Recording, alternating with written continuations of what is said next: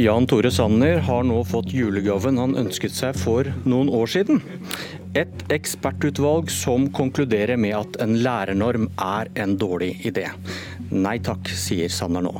Og er Trond Giske som fylkesleder det Arbeiderpartiet ønsker seg nå? Jon Christian Fløysvik Nordrum, leder av Opplæringslovutvalget, velkommen til Politisk kvarter. Takk for det. Fredag leverte du et forslag til ny opplæringslov til kunnskapsministeren, og utvalget foreslår altså å fjerne lærernormen. Den som i dag bestemmer hvor mange elever det kan være per elev på en skole. Et grep for, som da skal sikre nok lærere. Og hvorfor konkluderer dere med at en slik norm er uheldig? Ja, altså For det første så er det en veldig stor utredning. Det er 800 sider vi har holdt på i to år. Vi har reist land og strand rundt og prata med folk i skolen. Elever, lærere, kommunalt ansatte. og Det er et bredt sammensatt utvalg, og utvalget er enstemmig. Og Vi har hatt i mandat å se på regelstyringen på opplæringsområdet i bredt. Og Det har vi gjort, og det henger sammen. Og Når man gjør en så stor jobb, så er vi nødt til å se på hvilke prinsipper for regelstyring som politikerne i landet har blitt enige om skal gjelde. Og da Et sånt helt grunnleggende prinsipp er at kommunene har et selvstyre. Det følger av Grunnlovs 49 og den nylig ikrafttrådte kommuneloven, så følger det at dersom staten skal styre kommunene i løsningen av kommunens oppgaver, så må det være nødvendig. Og Vi har vurdert lærernormen opp mot det. Og Da har vi funnet ut at lærernormen er ikke treffsikker nok. Fordi Det er en veldig god begrunnelse for at kommunene skal ha et handlingsrom, og at det skal være gode grunner til at staten skal styre hvordan kommunene skal gjøre. Og Det er at kommuner er forskjellige. Det er svært stor forskjell mellom kommuner. Det er stort forskjell mellom skoler i kommuner, og mellom skoler og mellom elever, og ulike situasjoner rundt omkring i landet. Og Da er det viktig at man har et lokalt handlingsrom, slik at man best mulig kan løse de problemene man står overfor. Så Det ligger en grunnleggende tillit i det, i det at man eh, fatter beslutninger nært folk flest, fordi vi antar at folk og fagfolk er i stand til å fatte gode eh, beslutninger. Og så er det da slik at Vi observerer en del problemer ute i skolesektoren. Vi har, blitt, vi har studert en del problemer, andre har studert og vi har sett hva de har studert. og Vi har funnet ut at det er mulig, og det er på en del områder nødvendig for staten å styre. Ja, for, for, for hva vil dere erstatte en norm med? Et veldig viktig grep vi har gjort, som er svar på det observerte problemet. at det, det, er veldig mange som forteller oss at det er en del elever i, i, skolen som henger etter, og som får hjelp for sent. Og Vi innfører et generelt krav til forsterka innsats, som vi kaller det. Og Det retter seg mot elever som står i fare for å henge etter, og de skal få hjelp på alle trinn, i alle fag, for at de skal da ta igjen de andre elevene. Det hørtes mye mer ullent ut enn en lærernorm som sikrer hvor mange lærere det er per skole? Det er ganske konkret, men det er for så vidt eh, altså, lærernormen er konkret, men ikke retta mot de problemene som er i skolen. For det er ikke alltid slik at antallet lærere er løsninger på alle problemer, og problemer kan variere fra skole til skole. så Derfor kan det være behov for på noen skoler flere lærere enn på andre skoler for å løse de problemene som er på de skolene. Men eh, Forsterka innsats er ett grep. Et annet grep vi har, er jo det at vi innfører som en helt klar hovedregel at læreren skal være til stede når det gis opplæring. I dag er ikke det en klar hovedregel. og Det er et problem som er blitt oss fortalt, og vi har sett og vi har studert, at det er for mange lærerløse timer. Men, men, men igjen da med, med utgangspunktet deres om denne kommunale friheten. Mm. Hvorfor kan ikke kommunen få bestemme det selv, da? Hvis de vurderer at her trenger vi ikke en lærer, vi, mm. de kan vi konsentrere et annet sted. Mm. Nettopp det dere er begrunnelsen dere bruker mot mm. en norm. Og det er et godt spørsmål. Men Poenget her er at det er en avveining hele tiden mellom statlig styring og kommunalt handlingsrom. Og Det bør være gode grunner for at staten skal styre noe. Og Da bør det være problemer som vi er ganske som vi har et godt grunnlag for å hevde at er der, og vi bør ha en løsning på det problemet. Og Vi oppfatter at et krav om tilstedeværelse er en løsning på et problem, mens en lærernorm er en for sterk inngripen i kommunal handlefrihet opp mot det problemet det er ment å løse. Det er ikke treffsikkert nok. Og det binder opp veldig veldig mye ressurser. Eh, dere vil ikke ha noe krav til hvor mange lærere en skole skal ha per elev, som vi har vært inne på, og dere vil heller ikke ha noe tak på hvor stor en klasse eller en gruppe kan være. Eh, dere legger vekt på kommunens rett til å bestemme selv. Hva vil da hindre at en kommune prioriterer ned skole, mm. fordi behovene er store i eldreomsorgen? Man vil bygge et nytt rådhus f.eks.? Altså for det første så er det et krav til gruppestørrelse. Det skal være trygt og pedagogisk forsvarlig. Og det, det, er igjen litt mer ullent enn en lærernorm? Ja, og det er nettopp ullen fordi at vi oppfatter at vi har en grunnleggende tillit til at fagfolk rundt omkring i landet er i stand til å vurdere hva som er trygt og pedagogisk forsvarlig sett hen til den situasjonen de er i og de elevene de har. Men tilbake til hva vil da hindre at kommunen prioriterer ned skolen? Ja, for det første så er det slik at Vi har en grunnleggende tillit i vårt system til at eh, lærere, rektorer og kommuner etterlever lovgivningen som er er på områdene. Så vi har tillit til at kommunene faktisk klarer å etterleve loven. Og så er det også slik at det er krav til at kommunen fører kontroll med egen, egen regeletterlevelse.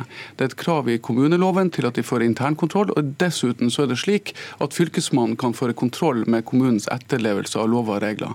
Så fylkesmannen vil føre eh, tilsyn med f.eks. bestemmelser om forsvarlig vikarordning, som jeg ikke har nevnt nå, og bestemmelser om forsterka innsats. Så det er på samme måte, men det er viktig å vite at man, det å styre med lov og regler er ikke, en, det er ikke magisk. Det er ikke sånn at man endrer virkeligheten fra dag til dag man styrer med lov og regler. Det forutsetter et godt implementeringsarbeid. Det forutsetter at loven blir kjent, og at eh, kommune, rektor og lærer lærer seg hva loven eh, er ment å oppfylle, og hvordan den er utforma. Og deretter kan man snakke om etterlevelse. Men det finnes ris bak speilet dersom man ikke etterlever loven. Ok, da skal vi høre hva han som fikk 800 sider julegave sier. Jan Tore Sanner, kunnskaps- og integreringsminister fra Høyre, velkommen. Tusen takk. Eh, må nesten begynne med det du sa på fredag. Eh, fordi du avviser å fjerne lærernormen over bordet nesten før du har rukket å lese utvalgsrapporten, og før du har fått innspill i en høring. Hvorfor det? Det har sammenheng med at eh, lærernormen er eh, et resultat av et eh, forlik mellom daværende regjeringspartier og Kristelig Folkeparti hvor Kristelig Folkeparti fikk gjennomslag for eh, lærernormen, og Høyre fikk gjennomslag for at vi skal bevare kompetansekravene for lærerne. Og Jeg syns det er en god løsning. Det betyr at vi får flere lærere med mer kompetanse. Eh, og Lærernormen ble da innført i 2018, og den ble forsterket i 2019. Nå skal det være maks 15 elever per lærer i første til fjerde, eh, og 20 elever per lærer frem til ut ungdomsskolen. Politikken, vi... politikken trumfer ekspertisen? Ja, altså jeg, og det sa jeg også på fredag, eh, at jeg mener at opplæringslovutvalget har mange gode argumenter. Eh, og jeg er enig i mye av deres prinsipielle tilnærming til dette. Men som øverste statsråd med ansvar for skolesektoren, så er jeg også opptatt av at nå må det være ro i skolesektoren for gjennomføringen av lærernormen. Den ble da forsterket i 2019, og da vil det være eh, litt krevende for de som jobber ute i skolen, at, jeg da skal varsle at den skal avvikles i 2020. Det vi derimot er enige om, det er at den skal evalueres i 2022. Og Da tenker jeg at vi får vente på den evalueringen før vi diskuterer eh, hvordan eh, den eventuelt skal justeres. Men hvorfor er du uenig i at kommunene selv burde få bestemme hvor mange lærere det er behov for på skolene sine? Nei, Som, som, som jeg allerede har sagt, så er jeg enig i mye av den prinsipielle tilnærmingen. Eh, men når vi har blitt enige om at vi skal gjennomføre en lærernorm, og den ble forsterket i 2019, så vil det skape mye uro i skolen hvis vi allerede nå skal varsle at, eh, at det skal være en omkamp. Så, så, jeg mener at nå får vi få ro på gjennomføringen. Så skal den evalueres i 2022, og så får vi ta diskusjonen da. Det vi derimot har sett, og det har jeg lyst til å si, det er at siden 2013 så har vi fått 2500 flere kvalifiserte lærere i skolen, altså årsverk, lærerårsverk i skolen. Hvor mange av de er ufaglærte? Nei, jeg sa 2500 kvalifiserte lærere. Det har vært en økning på 2500 kvalifiserte lærere. Hvor mange ufaglærte har kommet i samme periode? da? Eh, langt færre. Sånn at eh, nå er det flere kvalifiserte lærere. Så, så hvis du begynner å regne prosenter, så er det riktig at, eh, at, det har vært en viss økning i andelen, men ser du på de faktiske tallene, så er det nå 2500 flere kvalifiserte lærerårsverk i skolen. Det betyr at det er flere lærere, og derfor har jeg sterk tro på at vi både skal få til den forsterkede innsatsen for de som blir hengende etter, eh, samtidig som vi nå kan få ro for gjennomføringen av, av lærernormen. Er du uenig i at sitat, en lærernorm setter lokaldemokratiet til side og binder opp ressursene til de som har minst behov for det? Det kan godt hende at, at, det er et sitat eh, fra meg eller fra andre fra, fra Høyre. eh, og, jo, eh, vi har diskutert dette eh, noen ganger eh, før. Eh, dette, er, dette, er fra Høyres hjemmeside? Ja da, ikke sant. Og det er som jeg har sagt at jeg er enig i de prinsipielle innvendingene som er mot lærernormen. Men det, jeg... det, du da sier er at du er egentlig mot den politikken som regjeringen fører? Nei. Du syns det er en dårlig idé? Nei, og det jeg har sagt i Politisk kvarter før, at jeg er for flere lærere. Og når vi samtidig har fått eh, kompetansekravene til, til, lærere, og det er det aller viktigste for meg, at elevene møter kvalifiserte lærere med faglig fordypning i klasserommene. Derfor har vi en enighet som jeg eh, er for, og som jeg mener er god. Men du kan ikke dokumentere at lærernorm pluss disse kompetansekravene gir effekt på elevenes læring? Det er grunnen til at vi har satt i gang en evaluering av, lærernormen. Den får vi i 2022. Eh, og jeg mener at nå fortjener skolene og lærerne ro på gjennomføringen av denne, denne, reformen. Det kan ikke være slik i norsk skole at vi det ene året skal innføre, neste året skal vi avvikle. Nå må det være ro på gjennomføring, så skal vi evaluere. og Da kommer jeg gjerne i studio igjen og diskuterer eh, om det har fått den ønskede effekten. Til slutt, Sanner, ville Høyre fjernet denne normen hvis dere fikk rent flertall? Ja, hvis, da måtte vi først fått rent flertall, og det hadde jo vært, vært veldig, veldig hyggelig. Eh, hva som ville kommet med et rent flertall, det får vi diskutere når den tid kommer. du er ikke sikker på om dere hadde innført Høyres program med rent flertall? Jo da, det hadde vi selvfølgelig gjort. Og så er det slik at Når man har inngått kompromisser, så står man ved det. Takk, Jan Tore Sanner. Eh, da skal vi over til en helt annen sak. Abonner på Politisk kvarter som podkast og få sendinga rett til din mobil. En politiker i Trøndelag sier Trond Giske er kanskje den fremste analytikeren arbeiderbevegelsen har. En annen sier jeg blir ikke med i styret dersom Giske blir styreleder. Reaksjonen i Trøndelag Arbeiderparti er mildt sagt sprikende etter at Adresseavisa fortalte at Giske kan bli fylkesleder. Politisk redaktør i Adressa, Siv Sandvik, god morgen. God morgen. Torsdag i forrige uke hadde valgkomiteen i Trøndelag Ap sitt første møte, og hvordan dukket Giske sitt navn opp? Nei, I forbindelse med dette møtet så har jo vi i Adresseavisen i lang tid snakka med kilder i Arbeiderpartiet her i Trøndelag. Og Det vi hørte da, var jo at Giske stiller sterkt. Han trekkes fram som favoritt til å ta over som leder i det som er Arbeiderpartiets største og da mektigste fylkeslag. Men Giske sjøl har ikke villet gi noe kommentar til den artikkelen vi hadde fredag. Og så vidt vi i Adresseavisen vet, så har han heller ikke internt i partisammenheng sagt noe om han vil være kandidat eh, eller ikke. Hvordan er holdningene til Giske i Trøndelag? De er delte. altså Han har jo større støtte i Trøndelag enn han har eh, f.eks. I, i Oslo.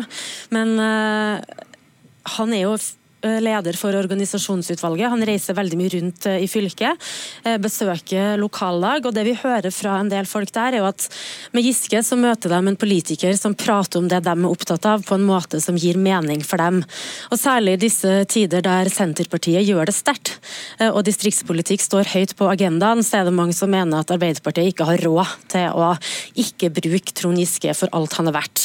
Andre mener at det er for tidlig. Du var jo inn på Arnhild Hornstad Ropstad, en populær ordfører i, i Namsos, som leder en av få Ap-bastioner der Ap faktisk gikk fram i lokalvalget. Og Hun sier jo at eh, dersom Giske blir fylkesleder, så ønsker ikke hun å ta gjenvalg som vara til styret. Også i AUF, så ser vi at eh, støtten til Giske trolig ikke er der den en gang eh, var. Og Det er interessant, fordi her har jo han tidligere hatt stor støtte, men eh, vi hører nå at de er bekymra for signaleffekten det vil gi å gi han tillit nå. Vi snakker selvfølgelig om metoo.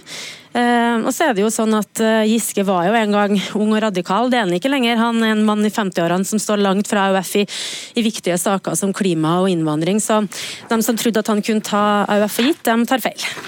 Kort til slutt, eh, Siv Sandvik, Hva slags rolle spiller han som er ganske ny fylkesleder, Hopsø?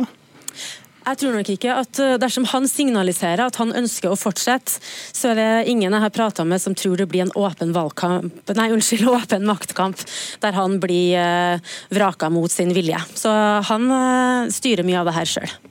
Takk, Siv Sandvik. Dette var Politisk kvarter. Jeg heter Bjørn Myklebust, og nå fortsetter Nyhetsmorgen.